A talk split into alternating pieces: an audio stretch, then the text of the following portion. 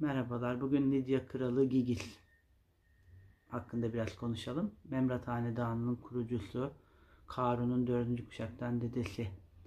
E, mitolojik eserlere baktığımızda Herodot olsun, diğer pek çok e, tarih e, kitaplarına baktığımızda değişik şekillerde efsaneleşmiş bir şekilde e, ismi geçer Gigis'in. E, mesela Herodot'a göre kralın korumasıdır ve e, onu e, öldürerek eşiyle evlenip kraliçeyle evlenip kral olur. E, benzer e, hikayeler bulunuyor. Genelde karısıyla yani kralın güzel e, eşi kraliçeyle evlenmek için onu öldüren bir kişi figürü olarak geçer. E, Tabii beni daha çok dikkatimi çeken Platon'un devlet kitabında yer alan Sokrates'in adından anlatılan çoban Gigil e, mezar, kral mezarı soyarken bir kral mezarının içerisine girdiğinde e, bir yüzük buluyor e, kralın parmağında. Onu kendisine taktığında bir toplantıya, çobanlar toplantısına gittiğinde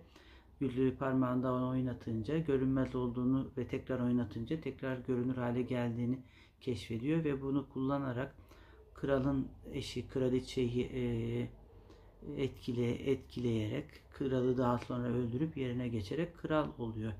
Ee, Tabi hikayesi uzun. Bizi ilgilendiren kısmı daha çok bu yüzük kısmı. Ee, bu yüzük görünmezlik e, yüzüğü olduğu için bunu e, kendi kişisel emellerine ulaşmak için kullanması gerçekten ilginç. Kralımız e, daha sonra öldüğünde e, Manisa'nın Sardes antik kentinde e, Beş Tepeler Tümülüsü diye adlandırılan ve dünyanın en büyük e, antik mezarlıklarından birisi olarak kabul edilen e, yerde mezarının olduğu kabul ediliyor. 150 civarında mezar var bildiğim kadarıyla o bölgede ve en görkemlisi Gigis'in mezarı ve ilginç bir şekilde kendisi gibi bir başka mezar soyguncusu tarafından onun mezarı da talan edilmiş. E, edildiği düşünülüyor en azından. Tabi yüzüğü var mıydı gerçekten varsa şu an kimin elinde onu bilmiyoruz ama e, benim aslında e, dikkatinizi çekmek istediğim nokta aslında hepimizin parmağında büyülük var şu anda. Sosyal medya yüzüğü, bizim görünmezlik zırhımız, e, pek çok insanın anonim şekillerde, sosyal ağlarda açtıkları hesaplarla birbirlerini taciz ettiği, birbirlerine hakaret ettiği, görünmem zannettiği bu yüzük, sosyal medya yüzüğünü ben Gigis'in e, mitolojideki e, meşhur görünmezlik yüzü olarak e, düşünüyorum.